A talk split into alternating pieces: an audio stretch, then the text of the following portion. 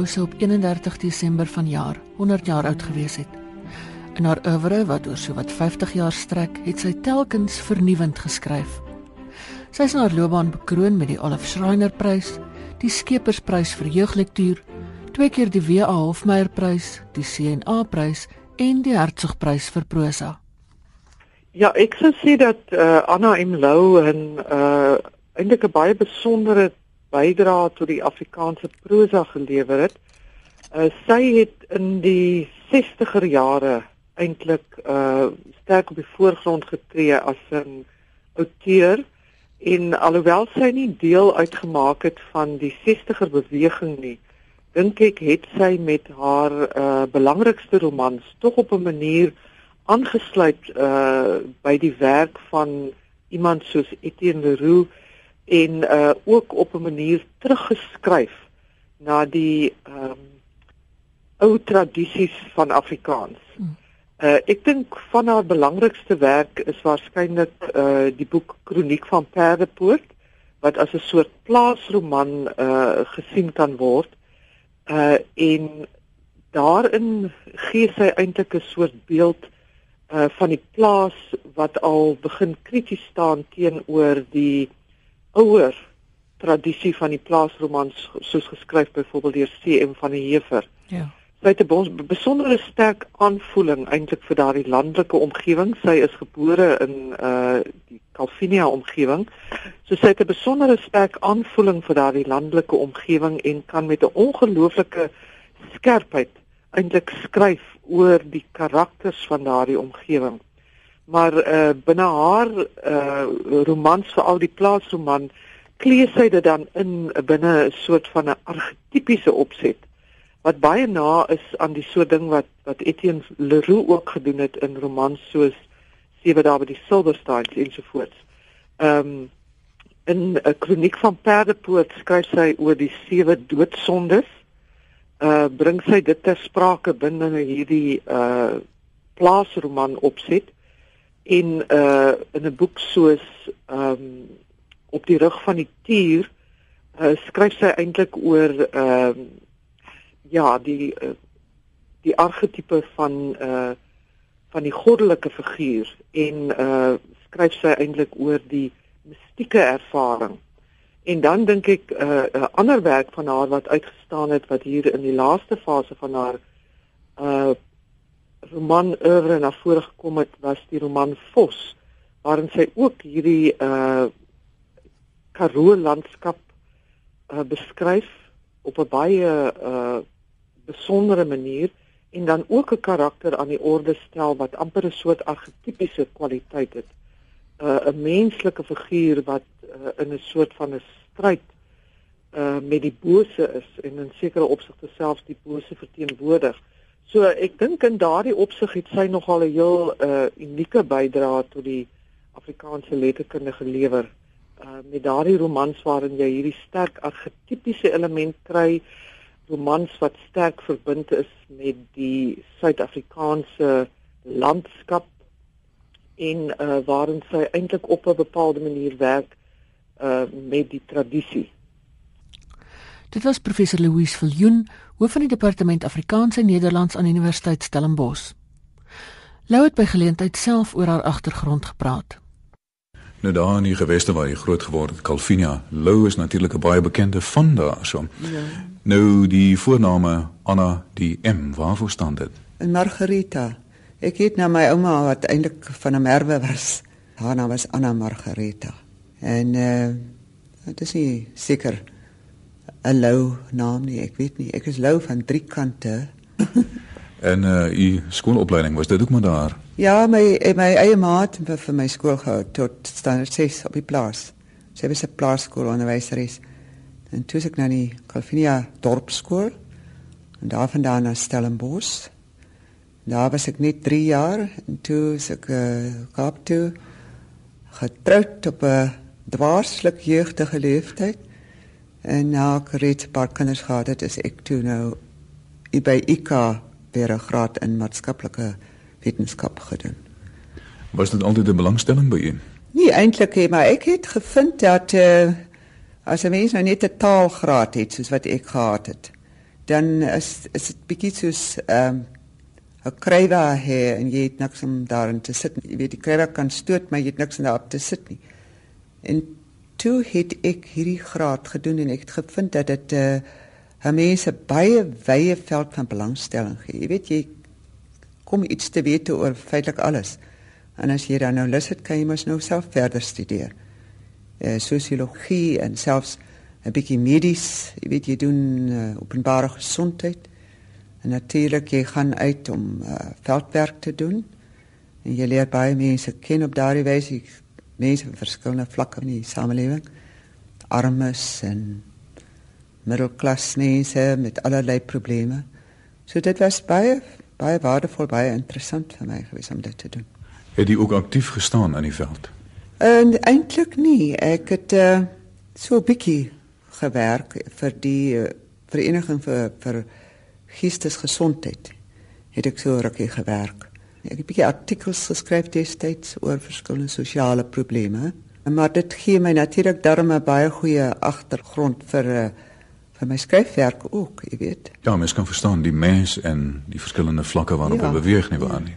Jy het genoem dat die 3 jaar op Stellenbosch was en spesifiek die tale bestudeer het. Watter tale is dit? Engels en Afrikaans hoofvakke, Duits 2 en Frans.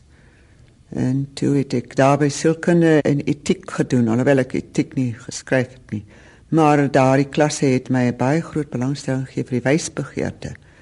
Was nog al baie spyt dat ek nie liewer destyds wysbegeerte studeer het want ek vind dat dit uh, pas so mooi in by die letterkunde jy weet ek voel 'n mens as jy letterkunde sonder wysbegeerte dan as jy soos man met net een been ehm um, ek het dit probeer regstel rukkie gelede paar jaar of 2 3 gelede deur om Martinus Versveld vir wie ek baie groot agting het se buitemuurse klasse in die wysbegeerte by te woon Grieke veral het ons gedoen. Ek sover ek onthou het ons Augustinus gedoen. Een van die groot uh, teologiese figure wat my baie interesseer. Van Lou se bekendste vroegwerk sluit in Die onverdeelde uur wat in 1956 die lig gesien het. Daarna die koms van die komeet. Die reisverhale agter my albatros wat geslagte se jong mense na die wye wêreld laat dink het. Die voortreffelike familie Smit. Die historiese romans oor Paul Creer, die banneling, die leiwag en die groot gryse in die jare 60. Nog 'n bundel reisverhale, die wat met die fluit loop en toe in 1975 Kroniek van Perdepoort waarvoor sy later met die Hertzogprys bekroon is. In die vroeë deel van haar loopbaan het Lou ook enkele dramas geskryf. As hy so kan help, net een. Oh, nee. En dit is nee, ek kan dit darm nie verduur nie. Dis dis is 'n baie vrot komedie. En jy, jy sit net daar. Jy doen eenvoudig niks nie. Ek As hy so huk, dan help net een ding. 'n Druppel Jamaica gemmer, 'n druppel 6, 'n druppel rooi laventel, 'n druppel versterk druppels en een druppel Harmans druppel op 'n kelkie wyn. Ek gaan dit gou so lank aanmaak. Alles van die beste, Jurg. Ek laat jou aan die genade van jou vrouens oor. Tosca, moenie. Vaarwel mevrouens van Raan, die eerste en die tweede. En vaarwel my liewe arme jeug. En ek bedoel nie totsiens nie. Tosca, Tossie. Gaan nou jou blikkies, julle vroumense is almal dieselfde. Hanni, bring tog gou daai drinkgoed. Ja, kom, Jurgie, ek maak dit gou aan. Susanna, ek ek, ek weet nie wat Ek loop nou maar Jurgens. En moenie vir jou verder ontstel oor my oorseese reis nie. Ek, eh, ek stel dit maar voorlopig uit. Nou ja, totsiens. Ek sien jou miskien weer eendag voordat ons dood is. Intussen gedraai jou maar goed en waardeer vir Hanni. Ek sien jou van 'n afstand dophou. 'n Mens kan maar sê ek is 'n soort uh, beskermengel vir jou. Totsiens. Totsiens. Uh, Susan. Hierso, Jurgie, is jou drink goed? Oh, sy. Oh, as daai nare ou ek eers bedaar het, dan smeer ek jou rug lekker in en, en dan bring ek vir jou 'n lekker koppie koffie en 'n stukkie melktert. So ja. Voel dit nie al so 'n bietjie beter nie? Ja. Ja, dit begin al beter voel. Oh, waar is Susanna? Is sy dan weg? Ja, ja sy is nou net weg. O, Annie. Hmm? Ek het nou net hier sit en dink oor die arme Susanna. Hmm? Wie ek ek kry so op jammer. ai, hoekom? Nee, nee, sommer. Ek het net gewonder of ons haar nie so af en toe sal nooi om te kom kuier nie. Ai, nee. Ja, ja, per soort van sake. Is sy nog wel 'n interessante soort van skepsel. Jurgie, hoe kan jy nou so iets voorstel? Dit mos nie goed lyk nie. Dis dis dis net nie fatsoenlik en behoorlik dat jou eerste vrou by ons kom kuier nie. Ag, nee. Nee, ek veronderstel dit sal nie fatsoenlik wees om 'n beskermengel te nooi om te kom kuier nie. beskermengel. Ag, wat bedoel jy, Jurg?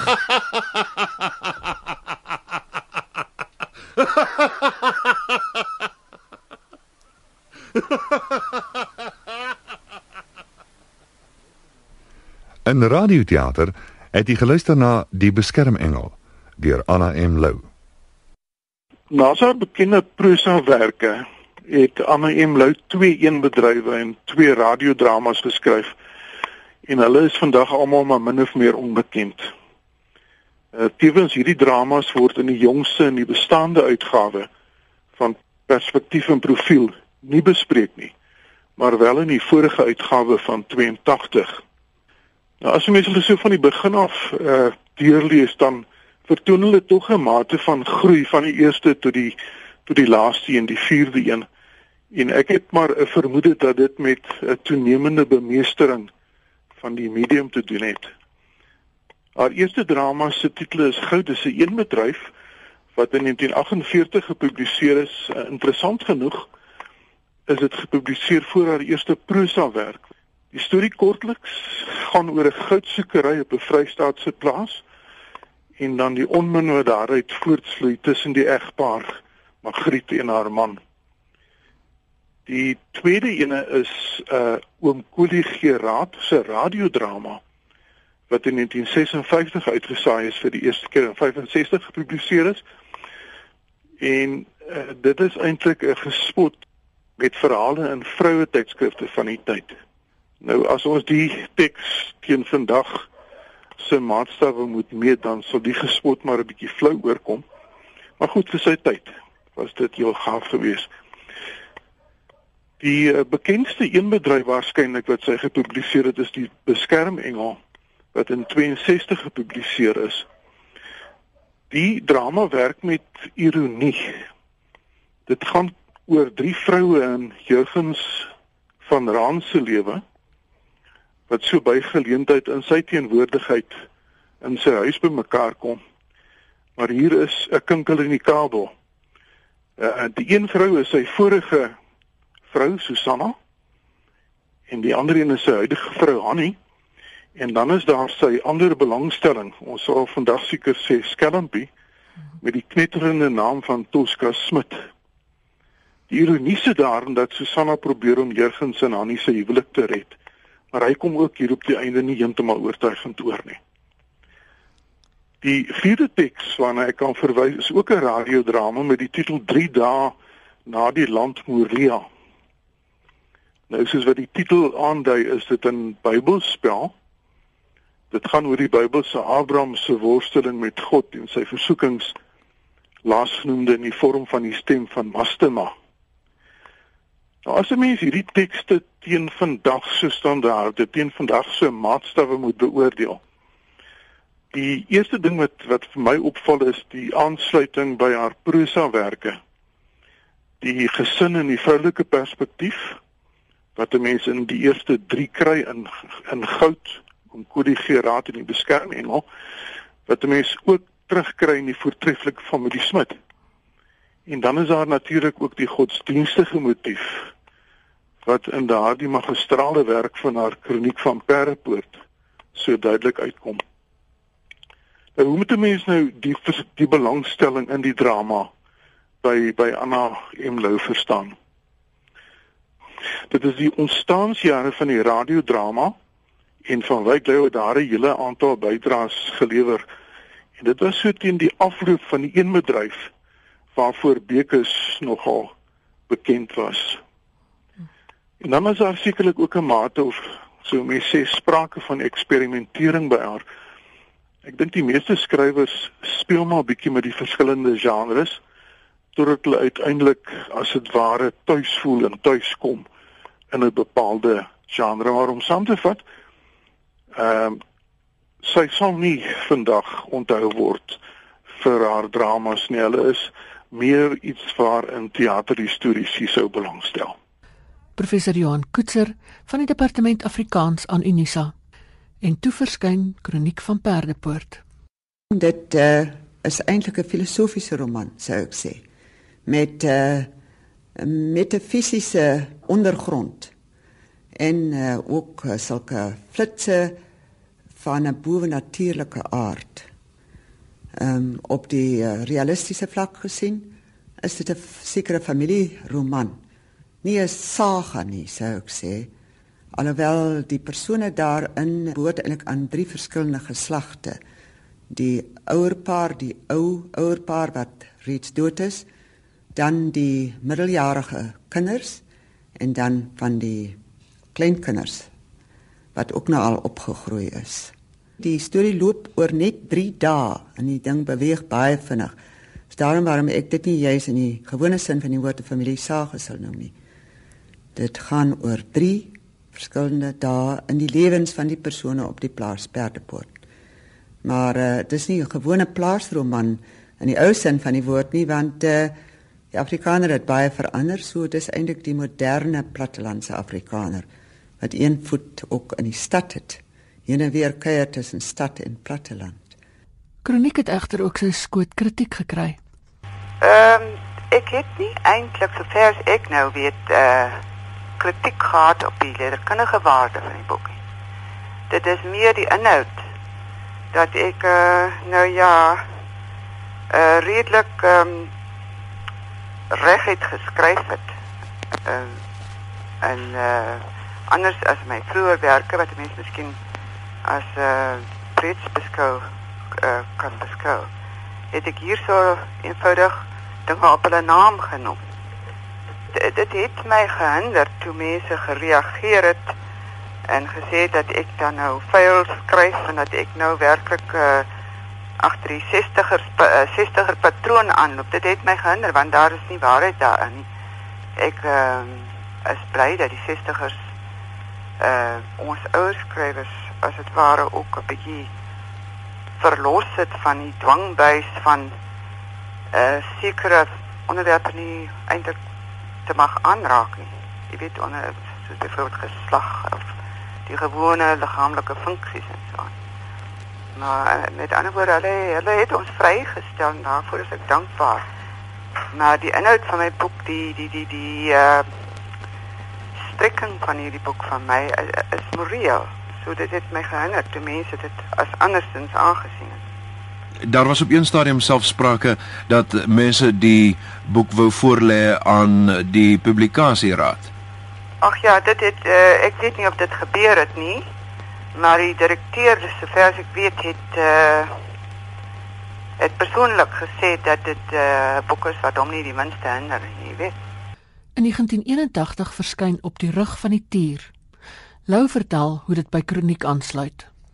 Nou is beweeg weer daar op uh, ondefinieerbare terrein, maar as ek dan nou moet definieer, dan sou ek sê dat uh benewens die stof wat verwerk is in kroniek van Perdepoort was daar miskien by my uh die wat 'n Engelse letterkundige eendag geskryf het ek het ongelukkig nou eintlik die oorsprong vergeet, maar ek onthou die woorde presies. Hy het gesê, um the it is time that the novel be given the a pitiless precision of a mathematical equation. En dit het ek gedurig voor oog gehad in Perport. Ek het dan nog gesteef om daardie roman 'n absolute volmaakte weet nie hy dan geslaag het nie, maar 'n volmaakte vorm te gee. 'n Sirkel, jy weet. En as jy dan nou moet vra wat ek gaan nou beoog het met hierdie boek, dan sou ek sê uh, dit is eintlik 'n mate mens en sien se antwoord op Perdepoort. In die sin dat Perdepoort gaan met my bose en hierdie handel oor die ehm um, die mens se gemoeidheid en hoop met op die onsienlike. En as ek nou moet sê wat ek toe in gedagte gehad het, in gedagte gehad nagesteep benewens die inhoud, was wat die Russiese digter Yevtushenko op 'n keer gesê het. Ehm um, en sê precocious autobiography het hy gesê 'n gedig moenie 'n renmotor wees waarmee jy rondpronk en vir die plesier rondjaag. Dit moet 'n ambulans wees dat mense tot hulp kom. Nou sê ek dit was duidelik so uitgespel dat ek mense tot hulp wil kom nie, maar wat ek tog wou gedoen het was met die humor in die boek om mense te help om te lag vir wat allerweë 'n redelik grimmige lewe is. Dat ons moet leer dat daar transcenderende hoër dinge is en dat ons eintlik kan lag oor ons alledaagse klein ervarings. 10 jaar later in 1991 verskyn Wolftyd. Ek skryf eintlik net wanneer ek iets dringends te sê het of iets wat vir my belangrik lyk daardie tydstip. In die tussentye speel ek met ligter uitinge. Jy sal onthou dat die loop van die rivier het verskyn in daai tydperk wat ek nou nie as 'n baie ernstige werk bedoel het nie.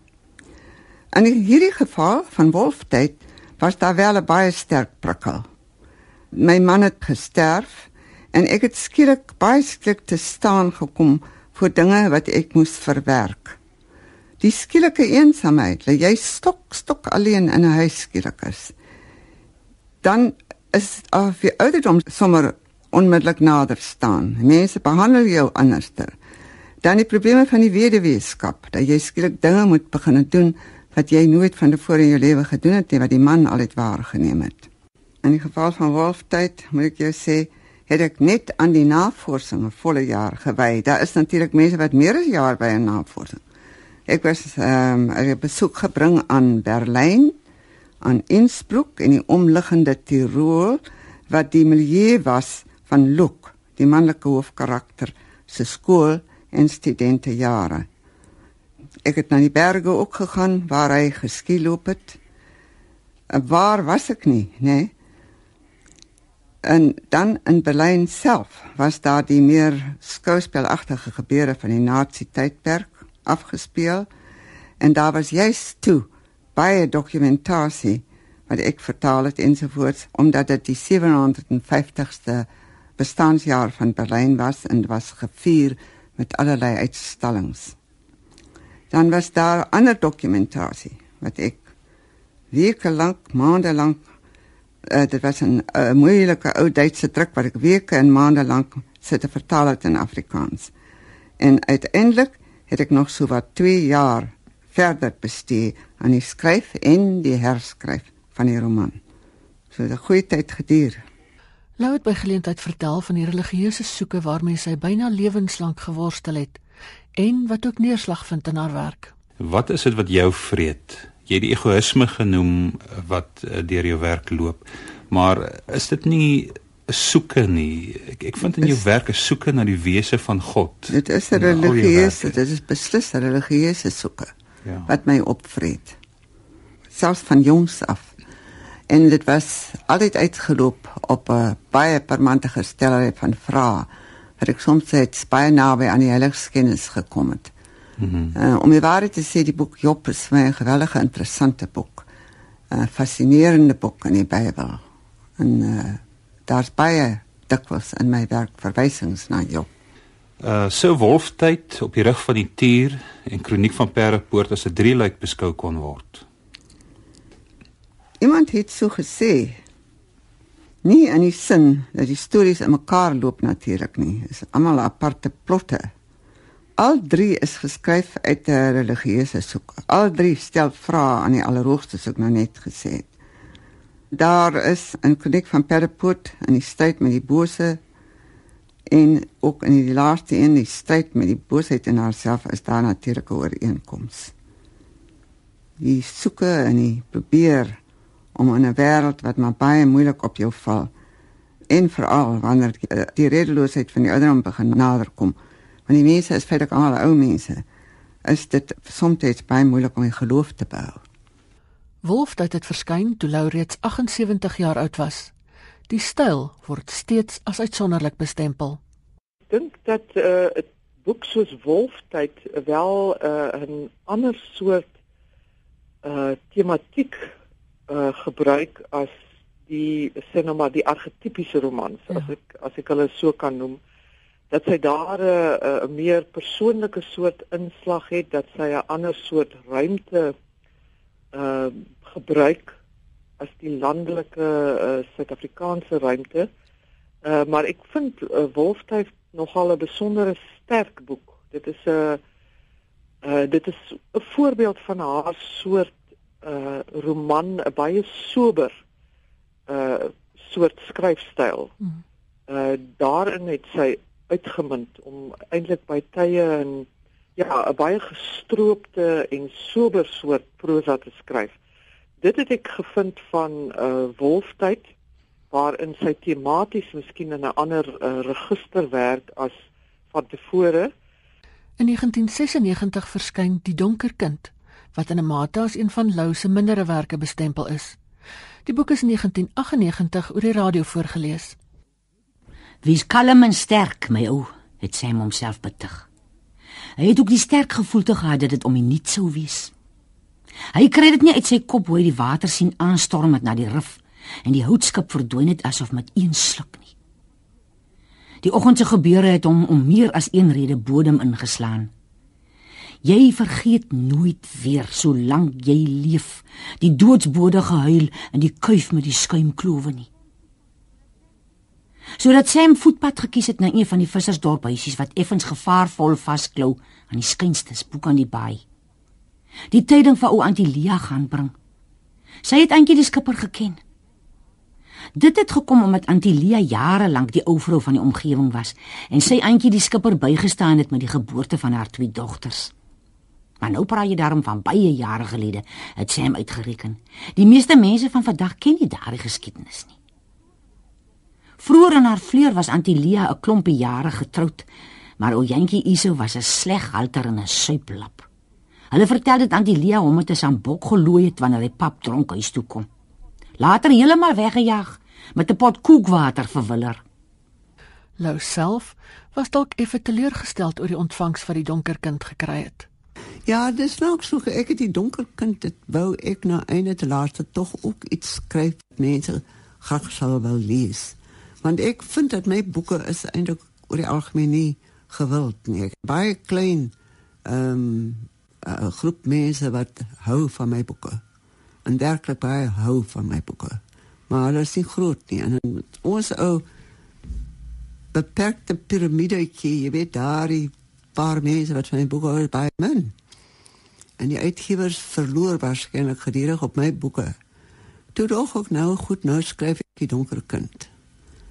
En kyk en, en ek het baie gesukkel met die boek, jy weet en so aan. Maar eintlik laas ek gedink dit is nou iets vir die gewone leser. Maar um, tog is daar mense wat daar archetype daarin sien, die vleiende Hollander. In 2000, 3 jaar voor haar dood, verskyn Lou se laaste werk met die titel Vos. Die tweede laaste boek was Die Donker Kind. Mhm. Mm uh dit het gekom na Wolftyd. Dit het ek een van haar uh minderwerke gevind, maar met die laaste boek wat sy gepubliseer het, Vos, was sy vir my weer uh eintlik uh op die vlak van haar beste werk. Sure. Ook weer 'n baie 'n uh, sober en in 'n sekere opsigte eintlik ook 'n donker werk uh met daardie argetipiese kwaliteit oor die mens uh se verhouding met die bose, die mens as uh, inkarnasie van die bose, die stryd daarmee. Uh en uh daardie werk het ek gedink is een van haar uh heel besondere werke en dit is Dit is interessant dat sy dat dit die laaste teks was wat sy gepubliseer het. In 'n radio-onderhoud net na die verskyning van Vos het Lou gepraat oor die argetipes waarop haar belangrikste werk gebou is. Ek het nooit 'n misse gehad nie. My kon vir jou seker iets daarmee te doen gehad. Maar dis altyd of ek 'n wyeer horison het as die meeste mense met met die temas van my boek. En ek vind dat ek het gevind dat in my sogenaamde ernstige romans het ek altyd argetipes gebruik. Uh, miskien kan ek jou 'n paar voorbeelde gee. Uh, die groot gryse was die krygsman heilige. Die oorspronklike argetipe dink ek was kom uit die uit die Hindu ehm uh, godsdienst uit die Bhagavad Gita waar Arjuna uh, sa, uh, vir Krishna en met Krishna 'n gesprek het die aand voor daar 'n um, groot geveg sou plaasvind en um, en die persone teen wie hy sou veg sou bloedverwant en dit was van baie swaar en Krishna het toe from daarop gewys dat om 'n heilige te wees, moet jy onbevange wees. Jy moet doodmaak asof jy nie doodmaak nie. Nou wil ek net sê dat Paul Creer het om dikwels 'n soort gelyke toestand bevind, veral gedurende die sogenaamde burgeroorlog. Ek weet nie of jy bekend is met die groot gryse nie, maar dit was een van my eerste romans. Ja. En as daar op die rug van die tier en die hoofiguur daar is 'n godesnar. Byna verseil, uh, verkuil. Ek weet nie of jy iets van daardie boek af weet nie. Ek het hom gelees, ek herinner my nog ja. stukke daarvan, ja. En hy was um, die tipiese godesnar. Dan was daar natuurlik ek van Perdepoort ehm uh, baie meer bekend is waarvoor hy ook die Hertzogprys gekry het. En die uh, oersituasie daar is natuurlik die sewe uh, doodsondes. Wolfstedt rus op uh, 'n baie ou Duitse mite, maar hierdie keer is dit eintlik 'n oertipiese Joodse mite. Die groot brandoffer, die Holocaust, soos hulle dit noem. Eindelijk te laaste kom ek uit by Vos, die huidige roman wat duidelik berus op die oortipiese figuur vars. Die man wat sy siel aan die duiwel verkoop het vir aardse gewin. En skryf as sodanig het sy so beskryf. Dit het by my altans begin toe ek nog baie jonk was as 'n uh, geweldige jeuk om dit nou maar so te stel om uh, uiting te gee aan aan dinge wat waar ek dink aan wat ek voel. Maar in die gewone sin van die woord sien ek nie my skryfwerk as 'n taak nie. Ek voel seker dinge, ek sien sekere dinge en dan wil ek dit graag sê. Skryfwerk kuns is 'n spel. En as jou spel, as jou spel ander mense plesier gee, dan is jy baie bly daaroor. Maar jy moet dit doen, nie waar nie? En jou uitgewer gee jou die kans om om dit as dit ware voor 'n gehoor te doen. Nou as jy gehoor hou daarvan, as jy vreeslik bly. Is dan naar as jy hoor nie hou daarvan nie, want dit is so jy wat jy nou daar gaan blootstel. Maar dis nie vir my taak nie.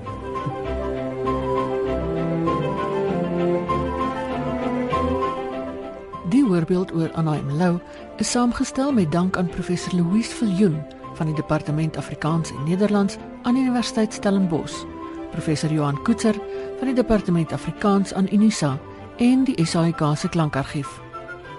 Die samesteller en aanbieder was Ina Strydom.